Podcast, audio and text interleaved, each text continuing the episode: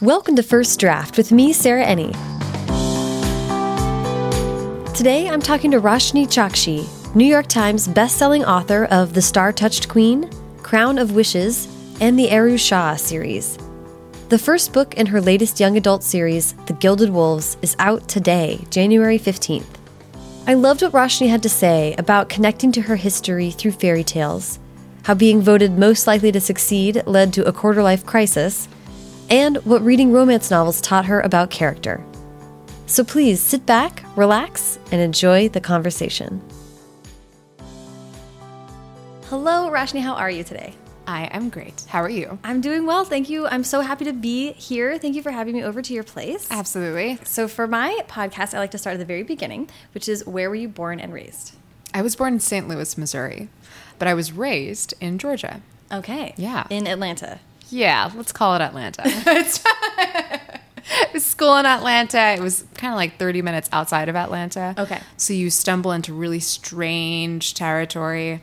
Yeah. In strange, like like geographical territory. Mm, like culturally, what the hell is happening? It was like you get like the really friendly neoconservatives, but then like also the nouveau riche rappers, and you're just like, huh, okay, We're all making it work. we're making it work, I guess. And tons of South Asians. It just made no sense, but That's it was so a, interesting. it was strange. Okay, okay, I like it. Georgia has a lot of steeped magic and also terribleness and also beauty. So I don't know. It's it's home. It's see, well, I love that's a really lovely way to say it, and I, and we're gonna get into kind of world building and Yeah. fantasticalness, but it does like driving through the South, even this this time, and the, my last trip, road trip took me through the South and Tennessee and everything, and it just you get in the green, and it's Yeah. misty, and it does feel like you know anything could be out Anything could happen. Absolutely. Or and then you see all the billboards, the Jesus saves, the etc. and the barbecue. I don't know. It's it's a very specific kind of landscape and, and texture and food and sounds and mm-hmm. it's just totally different. It's a lot. Yeah. I'm enjoying it. So, when you were growing up, how was reading and writing a part of your life? Oh boy. Well, I was extremely bored and I had no discernible talents at everything. anything. So, uh, reading and writing was everything to me. My parents, I grew up in a mixed race home. My dad's from India, my mom is from the Philippines. And they didn't teach us their native languages. I don't think they wanted my siblings or I to get confused.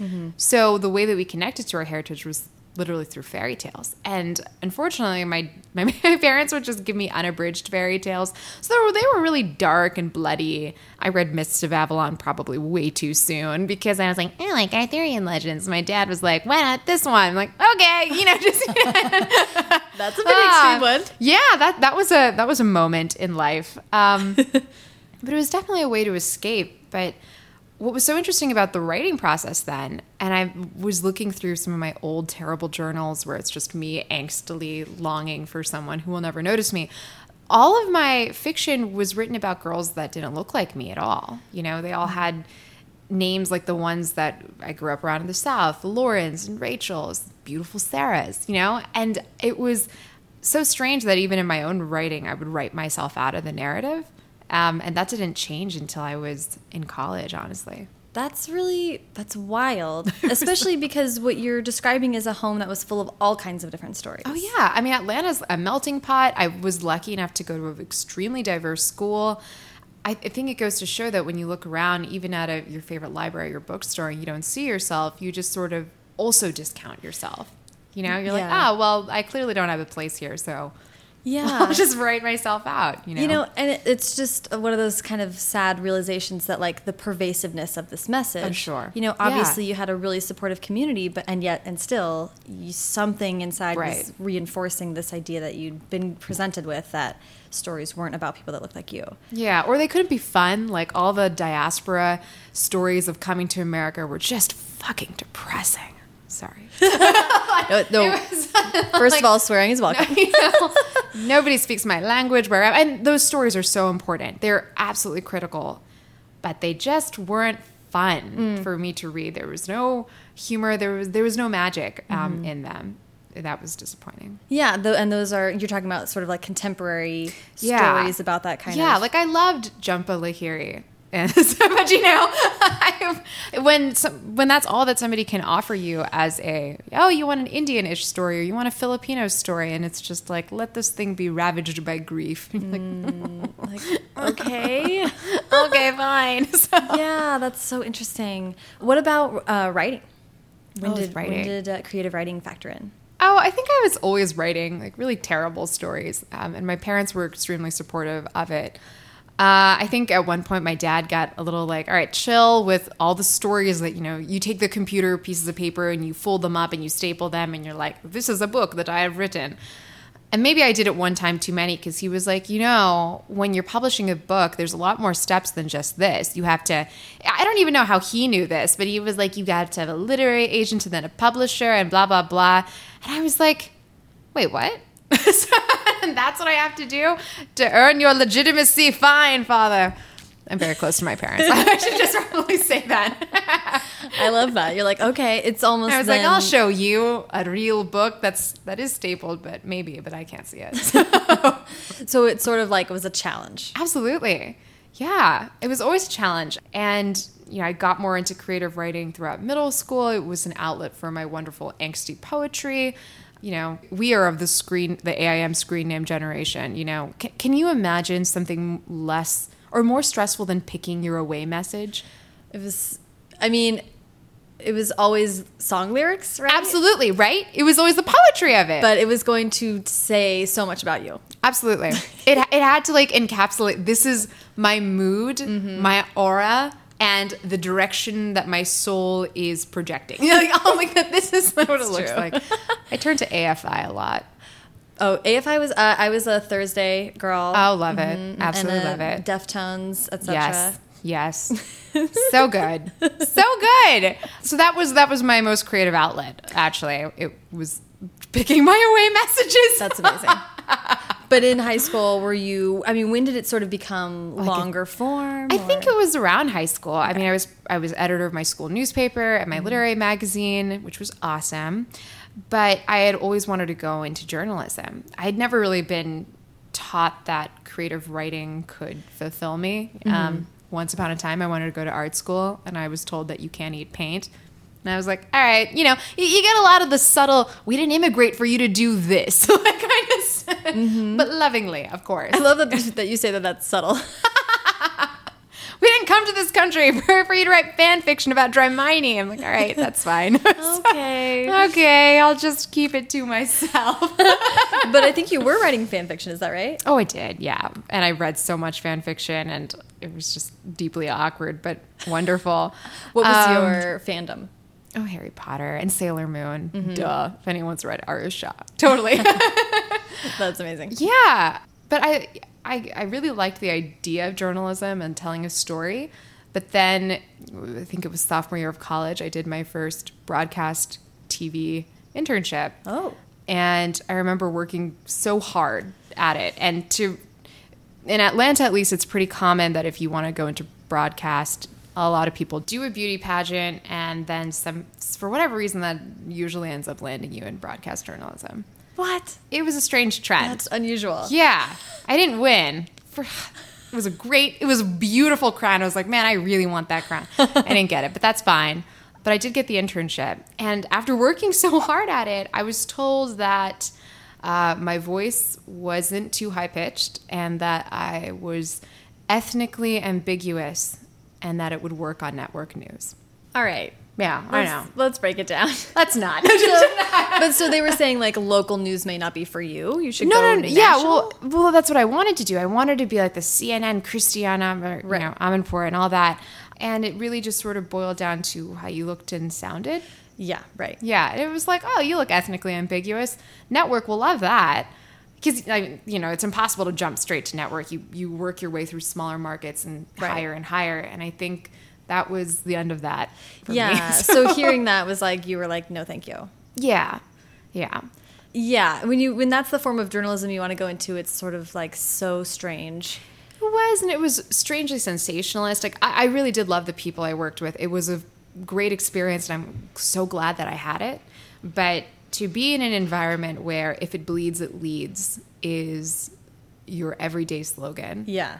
it's not really conducive to telling a story. And it kind and I think it was proof that I was on the wrong side of of things. It's also um, hilarious for me to think about that because from your writing, it's so obvious that you love words so much and that, that that's like so completely separate. Like broadcast tv couldn't have less to do with words. I I know. I, I don't know what it, I was col- it was college whatever. it's just so it's so funny how you try to work through you know especially i was also raised not like thinking that being an author was like a thing. attainable or yeah, yeah, a thing that, that people did. So it, it's all these different ways of being like how can i tell stories and trying to figure out what fits you know Yeah, and you know, adulthood is just like you're trying on different skins in a not in a serial killer way. Well, maybe in a I don't know. So- and you're just trying to find one that fits you, that you Yeah. can that you can live and breathe in comfortably, and it's hard. It's Yeah. hard. It is hard so what what were you studying at school I was a 14th century British literature major. amazing Yeah. My mom told me to marry rich. you have a 14th century literature degree Yeah. you I wrote my senior thesis on fairy tales. Yeah, Breton lays. Very beautiful. So that makes sense Thank you. that makes a lot of sense but were you doing any creative writing during college were you how did the idea it sounds like the idea to write a book was still kind of lingering somehow oh, totally. I mean, I started writing my first book in high school and queried literary agents with it. It was like 10,000 words. I don't know what I was thinking. Amazing. I wasn't thinking, was the answer to that.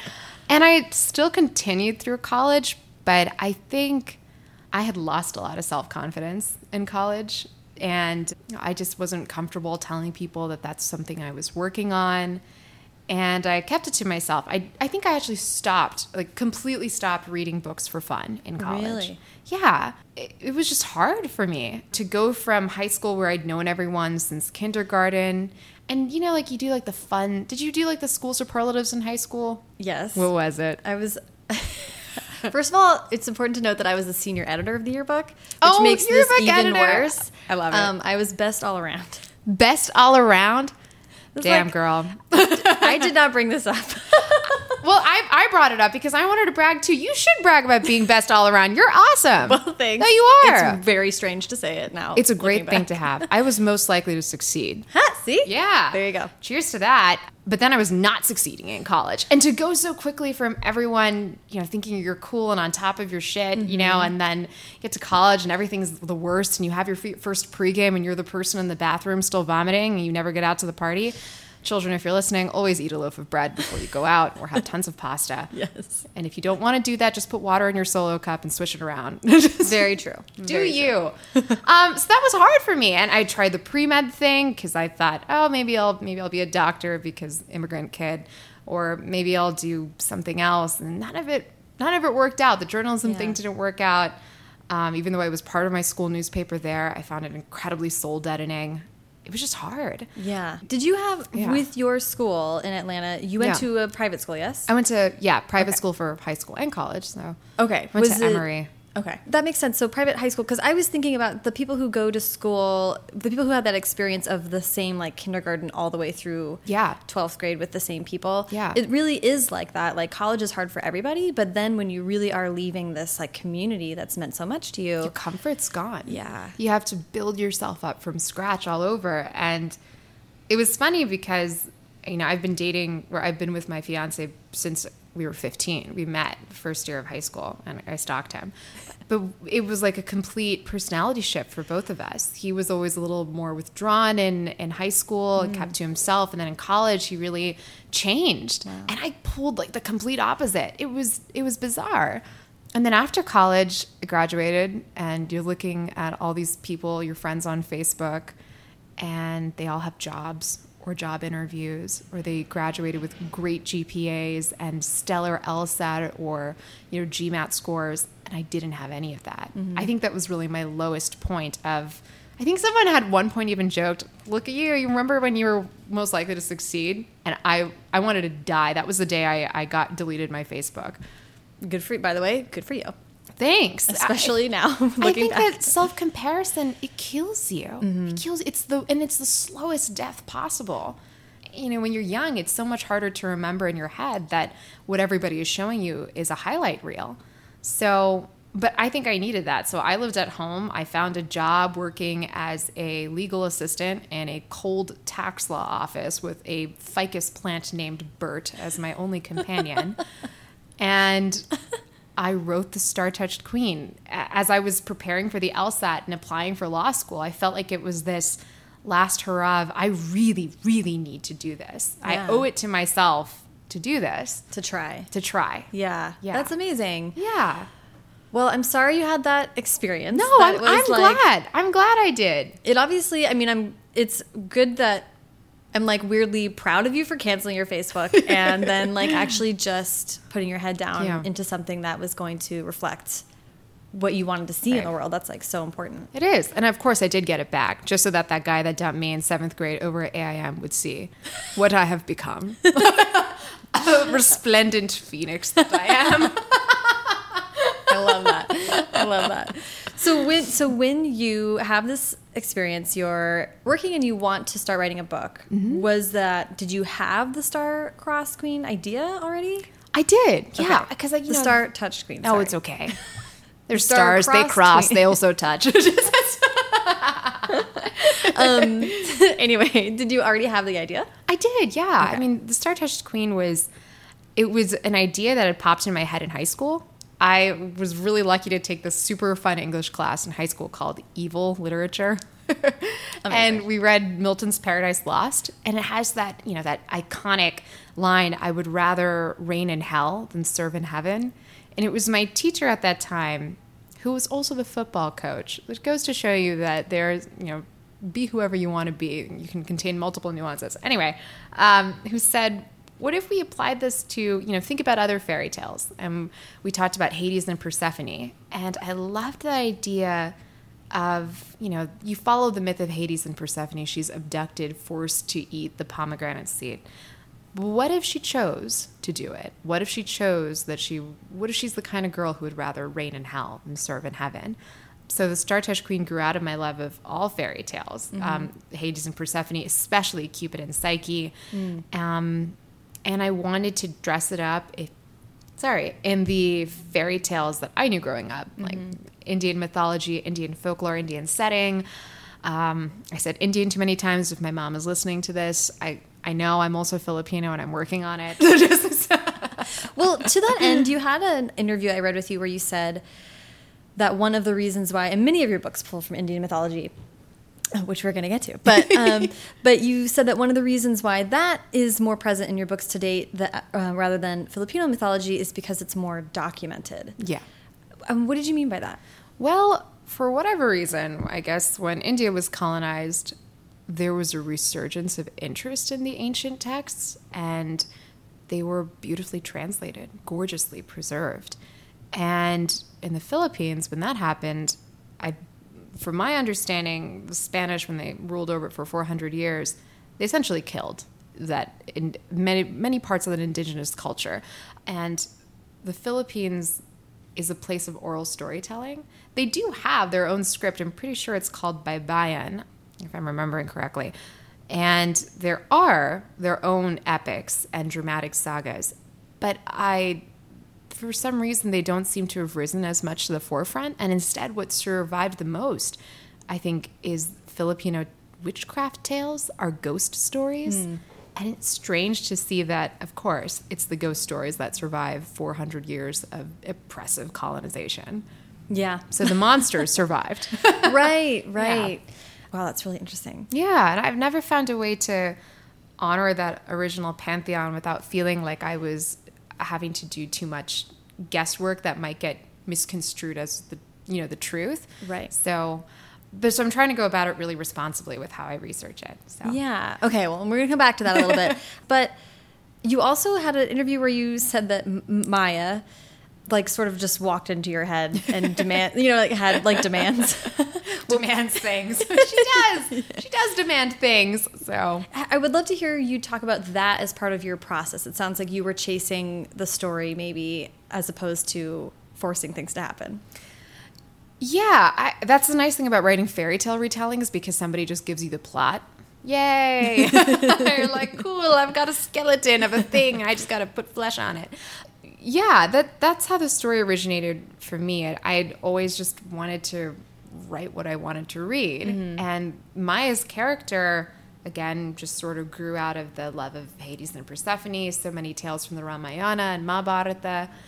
And as a character, she was very much a wish fulfillment character for me. Mm. But writing the Star Touch Queen has been different from anything else that, that I've done because it kind of follows that fairy tale feel. And I know that the characters might read as archetypes because I wanted someone just to feel like they could be them easily, mm. you know, versus someone like Aru who is prickly and it's entirely her own person, with sometimes leaving no room for, for others to empathize. Thanks, Aru.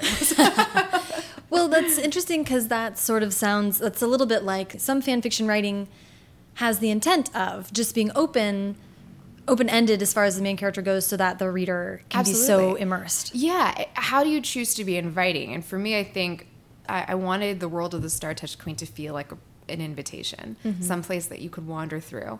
But then, you know, A Crown of Wishes was more character focused for me and was more a mm-hmm. celebration of the stories that we tell and that we choose to preserve. So I don't know. They they're aptly called companion books to one another, not sequential at all. I Yeah. think for that reason.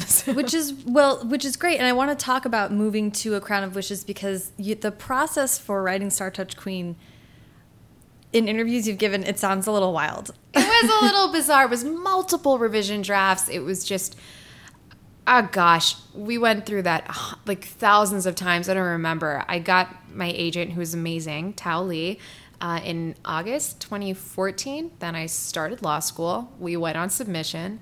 The book sold in March, but mm-hmm. that was after like five rounds of revisions and it sold on 150 pages of the newest version, which had thrown out the third person. It was the first time it was first person, and yeah, i'm like projecting a little bit but i'd love to hear what you think about this because when i heard that i was like oh man i've been there.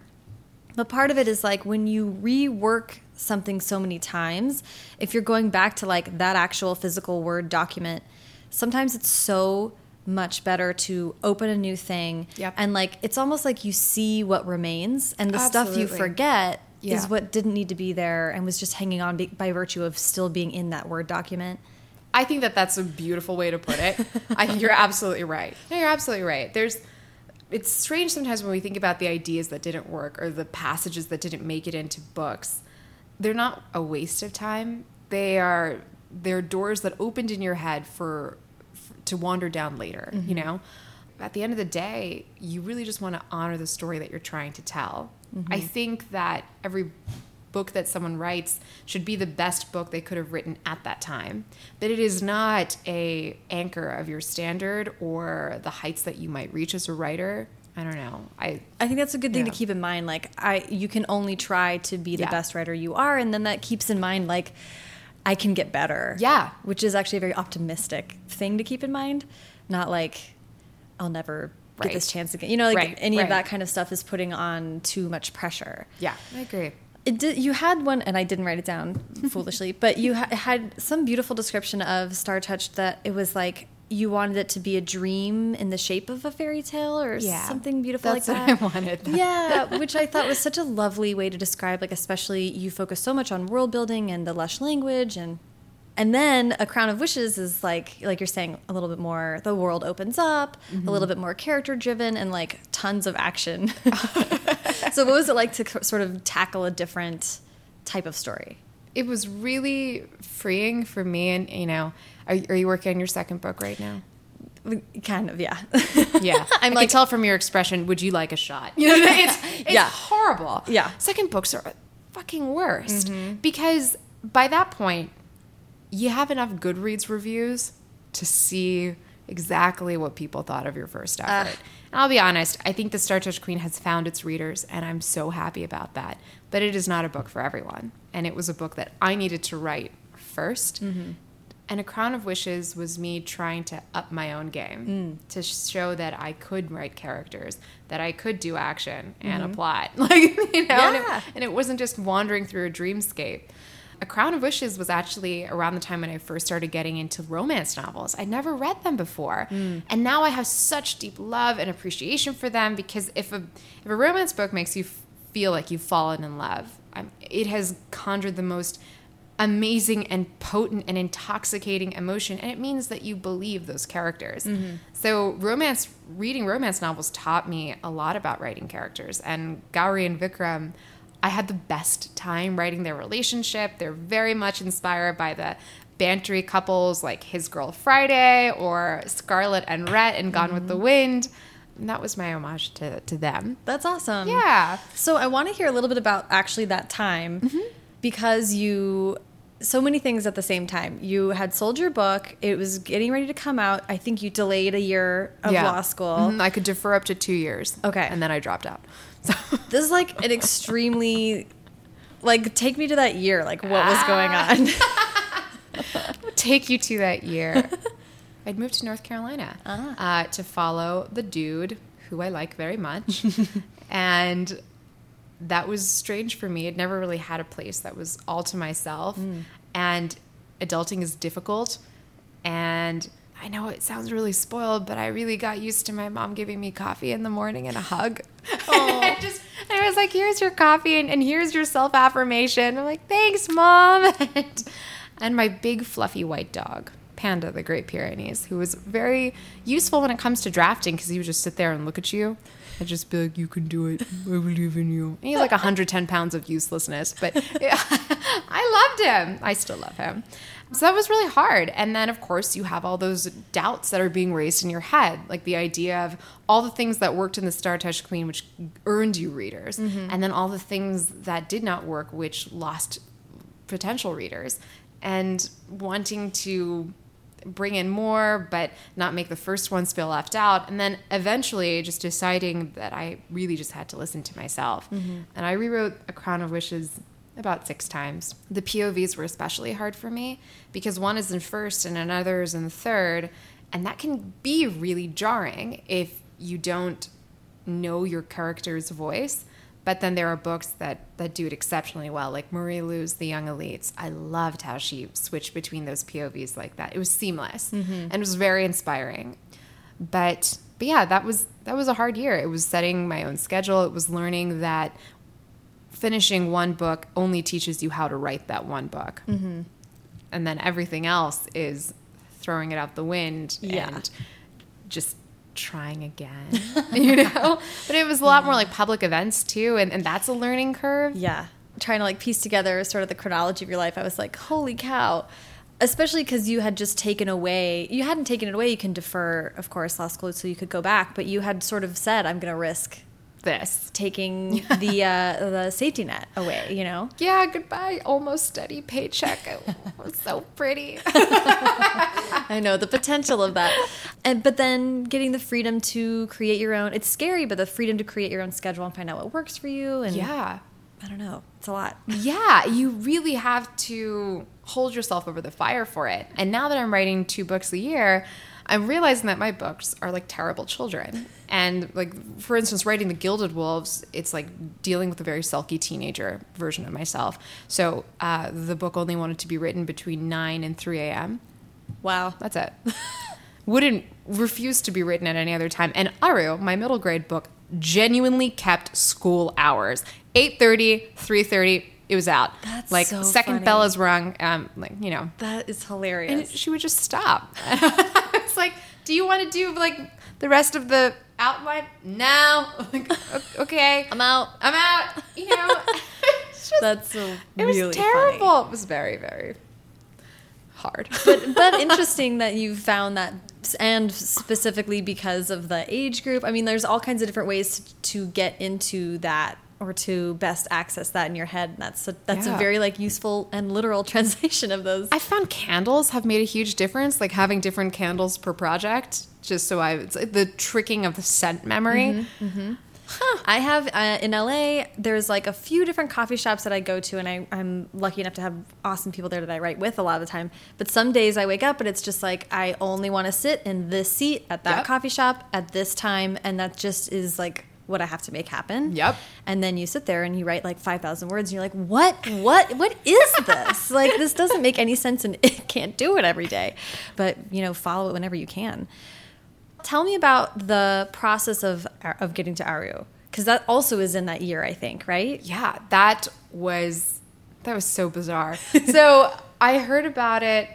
Man, uh, I was at Dragon Con, which is September. So it was September, I guess, 2016. And someone was saying that Rick Riordan was starting an imprint line Mm-hmm. and that he was looking for mythologies from underrepresented cultures. I started foaming at the mouth. It, I was just like, he's what? Are you for real? And I, I was like, no, no, he's not. He is. Oh my God. And then I ran home and I immediately emailed my agent who was like, calm down. And I was like, all right, fine. And I had always had the idea for Aru. Aru kind of grew out of my love of Sailor Moon fan fiction. You know, like it's a tale of female friendships. And I never get tired of a story where a young girl realizes that she is so much more than she thinks she is, or that mm-hmm. she can be so much more than what the world has told her that she is. Mm-hmm. And I wrote like the sample chapters. It was like just three, and I sent me and my agent passed it back and forth doing multiple revisions, as it was really important to me that it sounded like me and not like diet Percy Jackson. Right. Because as much as I love Percy Jackson and I think Aru and Percy have snark in common, that's not what the story was about. Mm-hmm. And then it was like mid October that we sent it, and I didn't think anything would happen. I honestly was like, "Well, that was fun." And then two weeks later, they they wanted it, and I was like, "Are you for real?" Like, I, should also put into context that this was around Halloween. No, this was Halloween that I got the news, and I was dressed as a Demogorgon because we were going as the cast of Stranger Things. And it was too much effort to find like an orchid monster leaker costume. So I was like, I'll just be like ish Medusa, you know, keeping in line with like sexy Halloween costumes of, of college. But this was a longer dress because I'm a grown up. I'm just kidding. Do you guys? Um, so, so my Medusa makeup is weeping and like falling all over myself as I cannot tell anybody this news, but I really, really want to. Oh my God. So That's wild. it was so wild. Yeah. I lost my mind. Well, first of all, I th- I just love that you were at like an indus- like well, Dragon Con, an industry event. An industry event. For us, it truly is, I do love that I can say this is a professional event for me, Yeah. and I'm going to write off this cocktail and bad salad. So Abs- no, I'm like I talk to my friends who are not book writers often, and I'm like, what I'm doing right now is tax deductible. like, believe it or not. But they, uh, but that you went to this event, that you had your kind of head on a swivel, you were picking up Yep. that news, and then you were being really like taking the first step. You know, Yeah. that's like a really great quality, and we are entrepreneurs. I think that's something that we shouldn't lose sight of. right, Um, you can't wait for stuff to come to you. You really have to just fight for it. Yeah. what you love. And that you had the story in the back of your mind how much was how much was there and how much did you develop in that short period of time with your agent You know, I know it sounds so silly, but the second I heard that he was actually doing this imprint, I, I automatically knew her story. I just automatically knew it. I, I've grown up reading the Mahabharata, which is the Sanskrit epic that many of the mm, you know scenes within Aru are based off of. But I loved the idea of a gender bent tale because the Mahabharata is about these five demigod brothers, the Pandava brothers. Each of them are the sons of different deities, and it's a it's an epic tale of getting your kingdom back. There's lots of philosophy in it. There's a religious text that's tucked into it as well, the Bhagavad Gita. But I loved the idea that these brothers were sisters instead, and it kind of fell very neatly into a sort of Sailor Moon introduction, you know, like where all the early episodes are like each episode is meeting a new sister. That's that's what the books are. i love that Yeah. I and i love having that reference that's like very feeling that reference you also had this really funny quote about um, about aru aru is just like me in that we were both liars in middle school Oh gosh, no, I was terrible. I really I lied all the time. Well, again, I had no talent.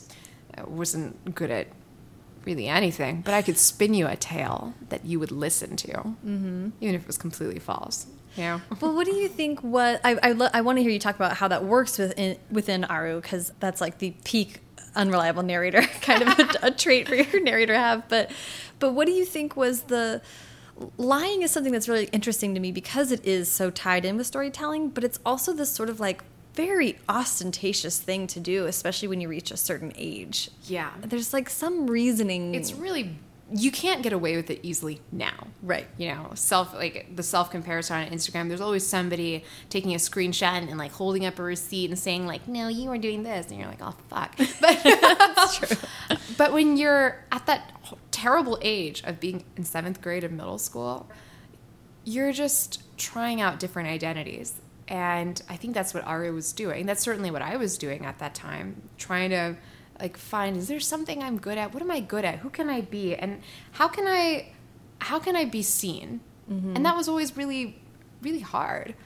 Um, and that's that's certainly what Aru is. She also goes to a fancy private school in Atlanta and doesn't quite feel like the rest of her classmates. Um, she lives in a museum, doesn't have a huge house.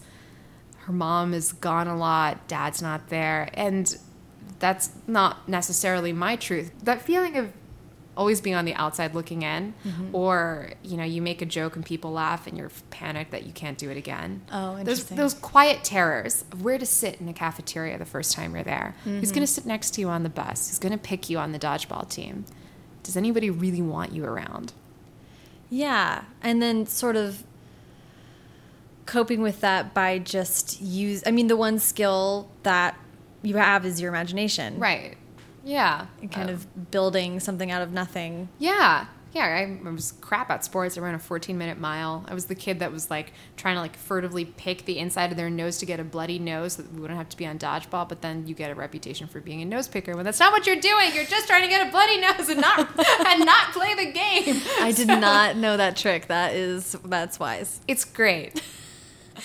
How did that play with that as a narrative, though. Having your main character be a liar is also sort of this.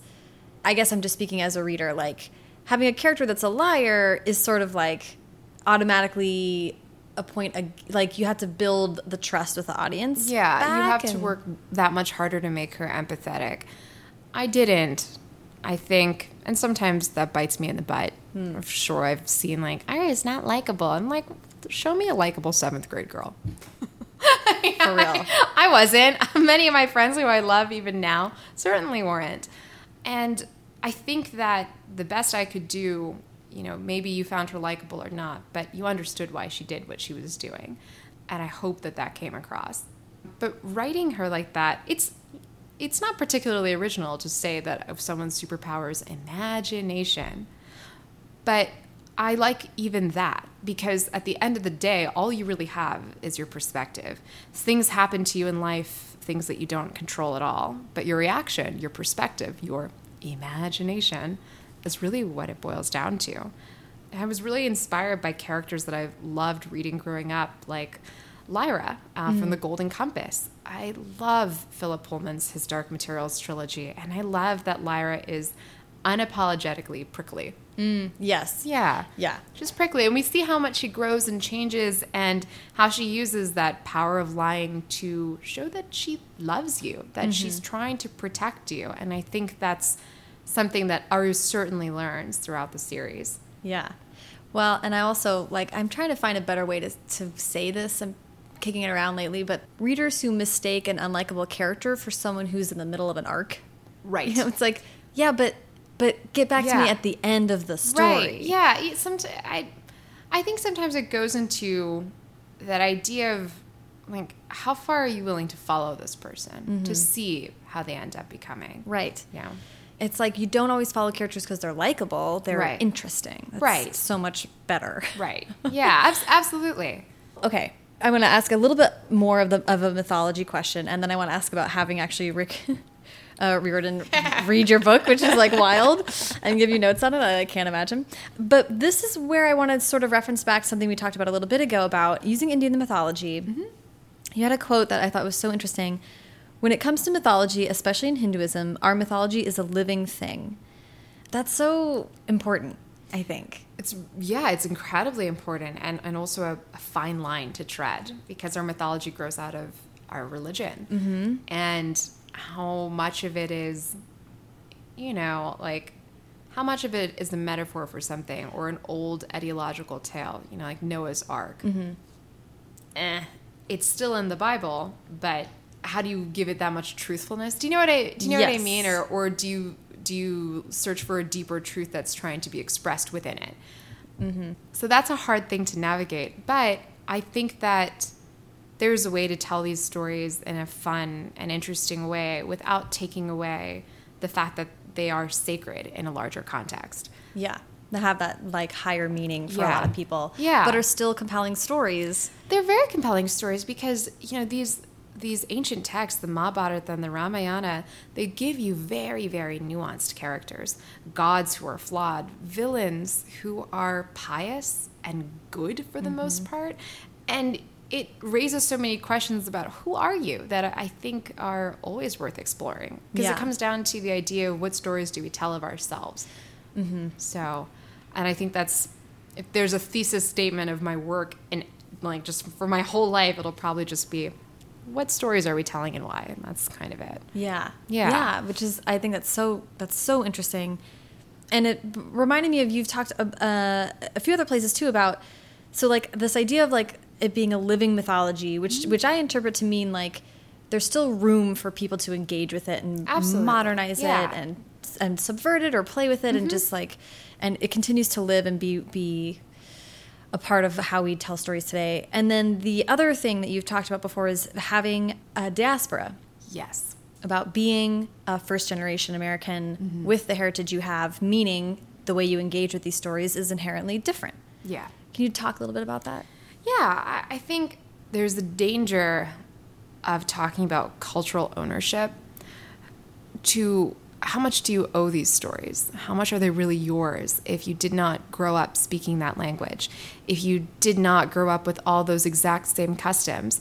And I've certainly gotten, and it's very interesting and worthwhile criticism to bring up that I'm not writing these stories for native Indian speakers.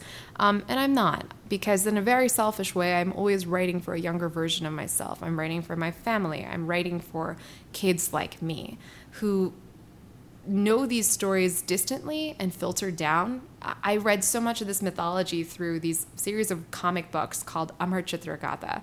And after I read them, I would ask my grandmother about them, who would spin them in a different way. He would add more nuance to it. And then I would go to the library and find out even more. So there's different levels of engagement with those stories. And that's speaking from a regional bias. My dad's family is from Gujarat. And these stories change depending on where they're being told. And it's something that I tried to put as a really big disclaimer in the glossary of Aru that I'm not saying that this is the one and only truth. The only thing I'm trying to express to you is my truth. And that's all. And and it strikes me that like you are not only trying to express stories that have been told for centuries, but you're also like I've been asking this for a lot of a lot of um, fantasy writers who are immigrants or children of immigrants, because to me, as someone who's so distant from my immigrant family, like Where's your family from? Uh, Finland.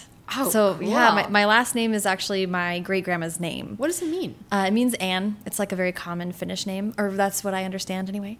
But you know, even it's my great grandparents. Like they could have been alive when I was alive, but I feel so distant from them, which is like kind of wild. But it seems like telling fantasy stories and world building, even when you're basing it on stories that have been told for centuries, you're writing yourself into that story, and Absolutely. into like the world that your parents lived in, and you're, you know what I mean? Like I can imagine that is part of the process for you. It is. It, it. I mean, I think it's readers can tell the difference when your soul isn't a little bit in a story, which makes it sound like I've got multiple Horcruxes. So hopefully, this means I will live forever. Um, but it does have to, for me at least, it has to have a part of me to ring true, and it's so exciting to see publishing now not just choose one marginalized voice to stand in for all the rest because that's not that's not a truth you know? Mm-hmm. It, it denies us nuance and it goes to it goes to the thing that's so often repeated among marginalized writers that people of color are not a monolith our stories are jewels. You look through them one way and there's something else, and you turn it and it's different. So Yeah, that's a really lovely metaphor. I like that. And I didn't mean to like. I don't want to like tell you what your experience of writing is. no, no, no, no. I'm trying Are you to find me? better ways to ask the, that question, but I just feel like it's a lovely thing. I guess I'm sort of thinking in my own mind about like if I was making a fantasy world, it would be such a great chance to dive into the past and think Right. about other people who have been meaningful to me and what was their experience and how can I how can I build something that shows the world as I see it. Right. How can you be inclusive and compassionate and respectful and still express your own truth? It's fucking hard. Yeah. And and then when you're dealing with fairy tales or source material that's thousands of years old, you're bound to get shit wrong. Right. Yeah. And that's just something that you have to make peace with. It's hard. Yeah. it's hard. Yeah. But I- think, especially for those who are listening who are fans of fairy tale retellings or who are drawing from older source material, think about what draws you to that story the most and cling to those as the emotional beats. You can't get everything right. It's also I think not very interesting to to say like the most universal accepted version of this one thing. Like Yeah. okay, you know, it's a one size fits all cardigan. Like it's not going to fit you. I love that. You're like James Pierce. This isn't okay. We are here for. That's the the uh, in comedy they talk about the specific is universal. Absolutely. The more intricate and to you a story is, strangely, the more other people tend to feel the heart of that and Yeah. relate to it. Yeah, I, I think so because at the end it's all it's all building on the same emotions. We all feel rejection and humiliation and shame and love and infatuation and that's what makes a story come alive. Yeah. Yeah, I love that. Okay. Oh, and then I just have to ask what it was like to have Rick read your book. you had you. I, I gave him so much shit at BEA. It was me and Jen Cervantes, who was a delight. Her book Stormrunner comes out in the fall, but they were asking like, "What was it like to have Rick edit your book?" And I was like, "Rick tore it apart," and Jen was like, "He tore mine apart too," and we just stared at him, and he was like, "Uh oh." I love that. I'm kidding. He was very. He did leave a ton of comments. He left like a thousand comments, and when I opened up the document, I almost died. but then a fourth of them were LOL, and I was like, "Why the hell did you waste space writing LOL, Rick?" No, that's a good. Because he's a nice, good man. He really is a nice, good man, and I. I really adore him. He reminds me of my dad, so it was very easy to instantly start trolling him. and that's how we got friends. That's, that's perfect. When you came up with the idea for Aru, was it a series yes. right away? Yes, Okay. it was. And did they? Was there any conversation about the ability to write more than one, or were you? Yeah, I mean, I've got this. I have. I'm lucky to have two incredible editors, um, both at Macmillan and Disney. And my Disney editor, Steph Lurie, when we first got on the phone, she was asking me about my vision for Aru, and we went through a couple iterations of how I thought that these other characters could be introduced. Mm-hmm. And it's a challenge because they're all from Aru's perspective and, and POV. So, how do you make sure that they're all getting equal growth time and stuff? So, mm-hmm. that's still an evolving conversation. But I knew from the beginning how the books will end. Okay. I hope people like it. Um, I love that. That's and, and it's great that you're that through this imprint you're getting the chance to tell Yeah. the whole story. I'm, I'm, happy about it. And I hope that it paves the way for other stories to do this in the way that they want to. You know, sometimes I hear from readers who are like, man, I really loved Aru, but I wanted to write a story like that. And I'm like, well, who's stopping you? You know, one voice will never speak for all. And I really am proud of publishing for taking the steps and showing us that they will support multiple voices. Absolutely. And Yeah. if, if we can listen, how many Cinderella retellings have we all read? and they're great every time. There's They're always great. something really different that Right. every writer brings to it. So, absolutely. Okay, let's talk about the Gilded Wolves. Oh, yay. So, before we talk about it in detail, Yes. uh, would you mind pitching the book for us? Shit. I know. This is hard. I pitched it. Claire Legrand made so much fun of me because we were at the Rochester Teen Book Festival and I pitched it as if you really like hate watch National Treasure but you love it. You you have me. This book is for you. I'm in. There's no Nicolas Cage, but I, I freaking love National Treasure. I love treasure hunt stories. They're Yes. so much fun. And I like rewatch Lara Croft all the time. If you tell me that there's a search for an ancient artifact and also an ensemble cast where there's banter at all times, I'm there. Yes. That's what the Gilded Wolves is. Amazing. yeah, it's, it's set in 1889, La Belle Epoque, Paris. I really love that time period because it was the year that they had the, you know, the first world, well, not the first, they had a world fair in Paris. Mm-hmm. And this is when the Eiffel Tower was built. It was built as the entrance to this 1889 World Fair. Thomas Edison was there. They have the Gallery des Machines, all these things. And it was touted as such an accomplishment, all these imperial countries joining together and showing you the splendors of all that they're doing. And it was also really grotesque. This was when they had human villages, documented Negro villages that were brought in. That's what they called them. And that's fucked up. And they had them on display. And it was to show others who stopped by look, we're bringing people civilization all over the world. Look at what we're doing. Yeah, it was the European civiliz- civilizing mission. Um, this is a time when uh, Britain was already in India, Spain was already in the Philippines, but you're starting to see small traces of what would later lead to the Philippine Revolution. It's just an interesting time, and I love that it's called La Belle Epoque, the beautiful year, because it it was beautiful. Moulin Rouge, cabaret, dancing, lights, everything but it's also a gilded kind of beauty because when you peel it back the gold, you see a lot of darkness. Yeah. And and the whole contrast between what a society thinks of itself versus Right. what it really is. Yes. And I, I wanted for this magic system to kind of be like, what if cultural appropriation was its own magic system? What happens when you take the art, the magic out of a place? And these characters are on a hunt for a very, very powerful object. So, Okay. yeah. Well, can you tell us about the main characters, Severin? Severin. Severin. Um, name is from the Velvet Underground song. Amazing. Holly Black called me out on that. she was like, "Did you take it from like a little?" And also an homage to uh, Radiance by Catherynne Valente. Love that book. That book is Isn't it so? It's just that's like a decadent word candy book. Also, Deathless. Have you read Deathless? Oh, oh, she's like out of this world. Everything. She lives in like Maine. I know. In like nowhere, Maine, and I'm like, so I'm gonna have to go hunt her down.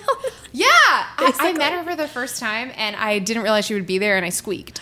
And I was like, Yeah. I was like, I you. I yeah, I know she's like I can't believe she's real. Yeah, that that is an awesome homage. Uh, what is he? So what? Tell me a little bit more about the magic system and what he's hunting. So he's a hotelier. Um, this was around the time that the Ritz Carltons, the Savoys were being built, and he has a huge fortune, which he likes. And he is a bit of, he would, you know, call himself um, a curator of sorts who likes to acquire things.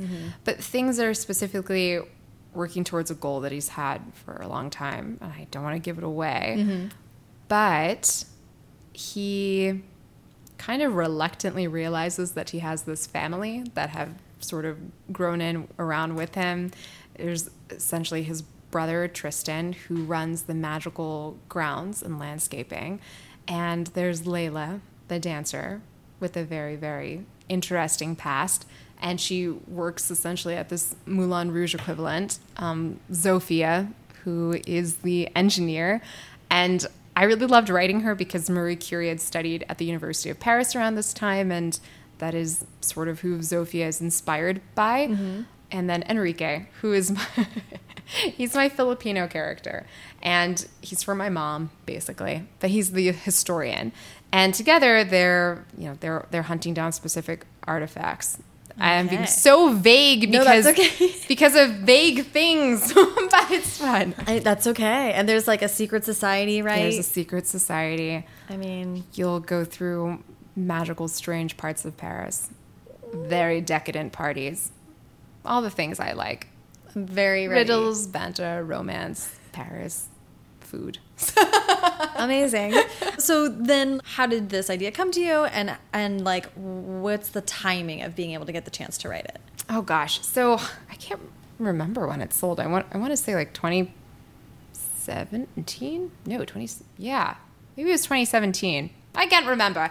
But the idea, I think I've always really wanted to write this kind of treasure hunt story. I love ensemble casts. I think that it's always so satisfying to get the characters talking to each other. And once you do that, they really just come alive. Mm-hmm. And I think I had been watching like a lot of. I just been watching Tomb Raider nonstop, and there's also this really bad movie, and I'm blanking on the name, but it's about a it's about a librarian who like hunts a look for a magical thingy. Oh my god. Do you know what I'm talking about? I do. And it has like that guy who's like kind of hot, but like only when he turns his chin a little bit, but like full on, it's like not. is this movie called The Librarian though? I think it's called The Librarian. They're like there is a movie called The Librarian, and it's similar. I'm. You know what I am talking about? It. Yes, yes, I do. oh my god, this is amazing. It's also like what's the movie with Brendan Fraser, The Mummy? Yeah, Element. I, I mean, I do. Movie. I I love that stuff. I love Dan Brown. I really do. I I love the like the hunting for symbols and things and mm-hmm. mythology, and I just freaking eat it up. So that's how this story grew out of it. And with the Gilded Wolves, I wanted to set it in Paris because it's one of my favorite cities. Mm-hmm. Um, I wanted to choose a time where colonialism was at its height so that I could take all these different kinds of characters from different sorts of marginalized backgrounds. Severin's half Algerian, Layla's from India, Enrique's Spanish and Filipino, and Zofia's Jewish. Mm-hmm. And I, I didn't choose them necessarily or, or write them this way so that like their marginalizations don't define them, but they are things that they hold close that they have to push a little differently through the world to mm-hmm. make it their own.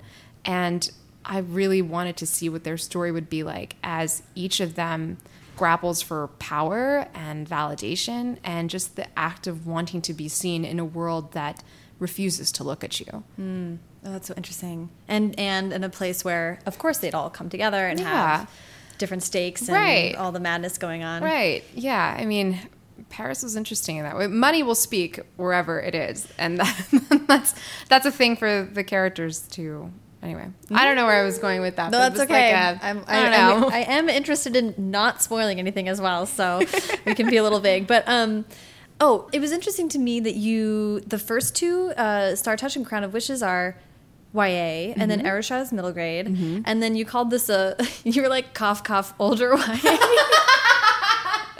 so I'd love to. I just you know like to like re I don't.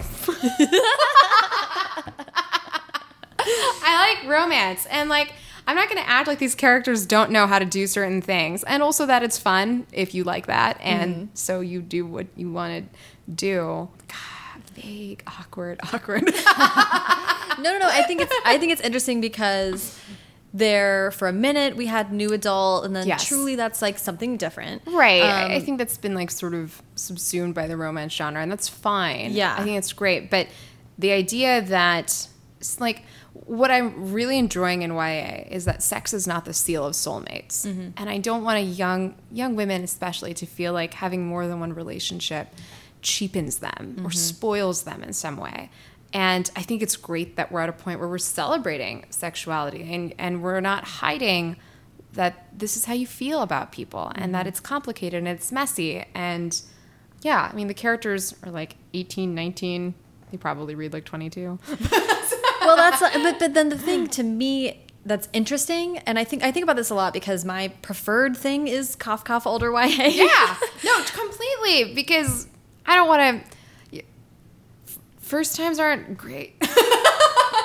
yeah, it's. I want to read that. No, and it's fun to have. It's oh, and especially in stories like this where you're talking about ragtag groups of kids who get together to do something. It's like, well, part of the fun of those stories is expertise and people who know what they're doing, and you just and have people to, who know each other. Yes, and yeah. know themselves. Actually, yes. a lot of the times, yeah, it's not really about self discovery on your own as much as it is in the group. Absolutely. Like, um, and to see like that maybe the things that you wanted, it's not really what you wanted, mm -hmm. and that it requires friends and family to sort of be that community and to bolster you and So yeah. Yeah. Yeah. So I just like that you that you went middle grade and that you like branched out. You put the extremes out there um, because it Someone- is challenging to have different age groups going on in your one career. Oh gosh, or especially when the characters like to jump books. Aru keeps trying to go into the Gilded Wolves because she wants to see what the Moulin Rouge looks like, and I'm like, you're too young.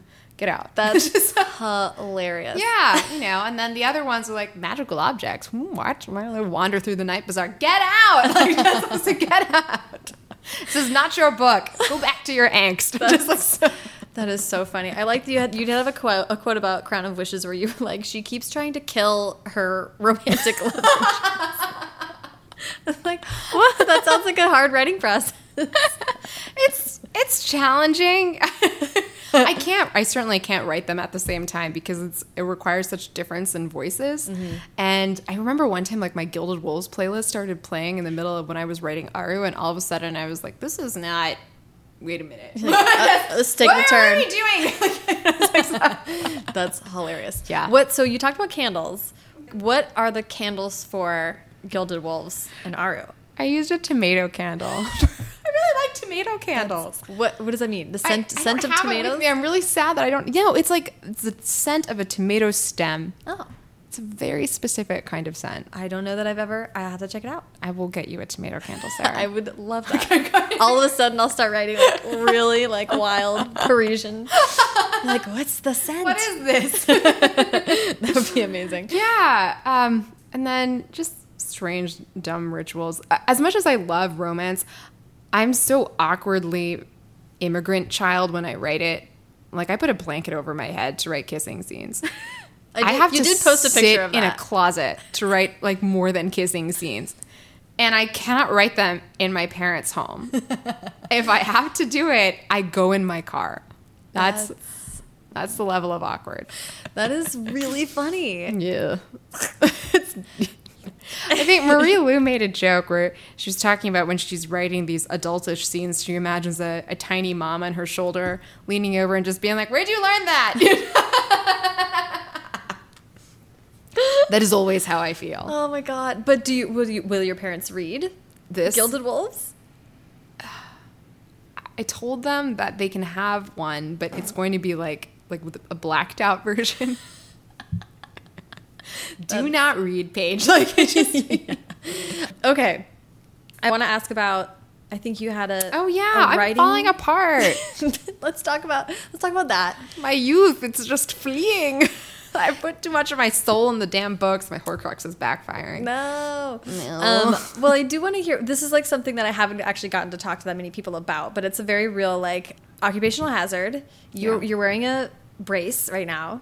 What is the wrist issue that you're having? So, it's called trigger finger in both of my hands, which is where like uh, sometimes it's difficult to make a fist because it will click and and like lock essentially. So it's pretty much just a repeated stress injury kind of thing. I got steroid injections in my hands, which kind of helped, but I really just need to not write for like two months, but I can't. Yeah, And also, I really like what I do, and that's hard.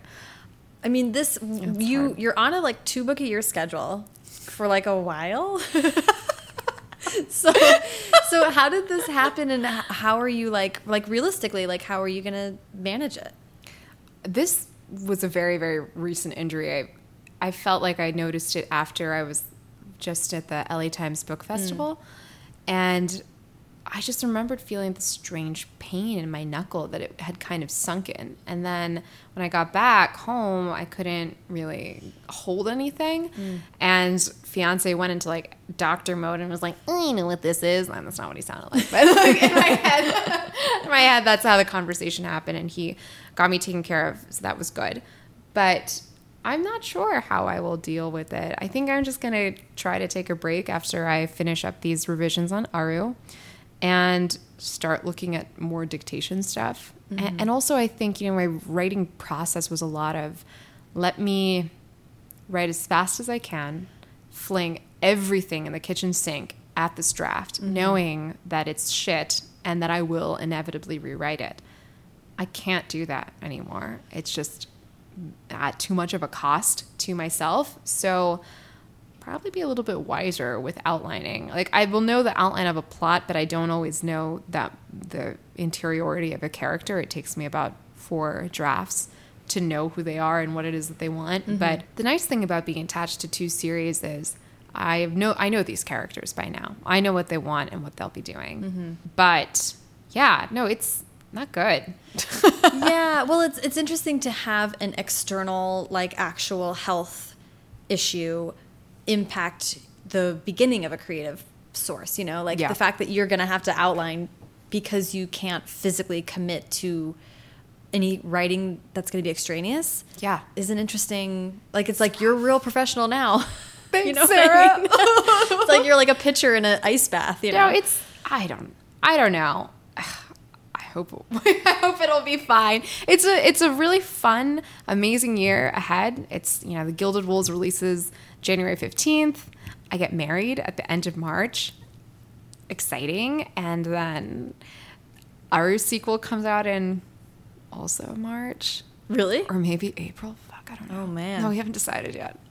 Well, and then we'll I take that. so, oh yeah. Yeah, because end of med school. So oh gosh, it's residency. coming up that fast. Yeah, yeah. When is ma- and match is like March matches, too. Matches matches two weeks before the wedding. Oh my god! Wow.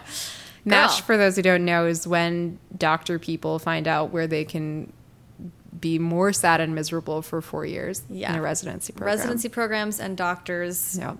play bachelor with each other. And then on one so day many. across the entire country, every doctor finds out where they're going or if they're going anywhere at all which is terrifying. That is terrifying. I'm sure that's not going to be your situation. Knock on wood. Knock on your notebook. I will knock on this. um, so then let's wrap up. I love to wrap up with advice. So okay. I would just love to hear uh, advice that you would have for aspiring writers and maybe also for writers who are trying to balance YA and middle grade. Hmm. For aspiring writers, I know you guys hear this all the time, but read widely and also read what you think you're going to like and read what you think you're going to hate. Mm. Because sometimes a wonderful motivation is, wow, that story inspired me so much. I can't wait to put my own spin on something like this. Another way to inspire you that is also fun is like, I can't believe this person got paid to do this. I can do that too. So yeah. keep both spectrums in mind and celebrate them because not every book is for every person, but it just just increases the chances that yours is. Mm-hmm. And for those who are writing young adult and middle grade at the same time, I highly recommend buying a tomato candle and, and choosing, have that tomato candle specifically imprint on one book project. That's important. That may sound like stupid advice, but the point of that is to say be protective of your voice for both projects. Don't panic if you feel as though you've lost the thread of something. You can always go back and fix it, but the voice is the voice is the soul of it and you it's harder to get it back. That's really good advice especially with those two age groups. Middle grade to me seems so distinctive like yeah. I, I honestly think having different rituals for different age group projects makes a huge difference so. that's great. That is awesome. Well thank you so much for doing it. thank you for having me. thank you so much to Roshani follow her on twitter at Roshani underscore Chokshi and Instagram at Roshani Chokshi, and follow me on both at Sarah Enni and the show at First Draft Pod. There are links to everything Rosh and I talked about in this episode in the show notes, as ever. To find those, just go to firstdraftpod.com. I am so excited to announce the official launch event for Tell Me Everything, my debut YA novel, which comes out February 26th. On March 3rd at 4 p.m., I will be in conversation with the amazing Tahereh Mafi at the Ripped Bodice bookstore in Culver City, California. We will be celebrating Tell Me Everything as well as Tahereh's latest, A Very Large Expanse of Sea, which was longlisted for the National Book Award and made me cry. There will also be rose. So please come by the Ripped Bodice on March 3rd at 4 p.m. It's going to be a grand old time. Haley Hirschman produced this episode. The theme music is by Dan Bailey, and the logo was designed by Colin Keith. Thanks to super intern Carter Elwood and transcriptionist at large Julie Anderson. And as ever, thanks to you, tomato candle sniffers, for listening.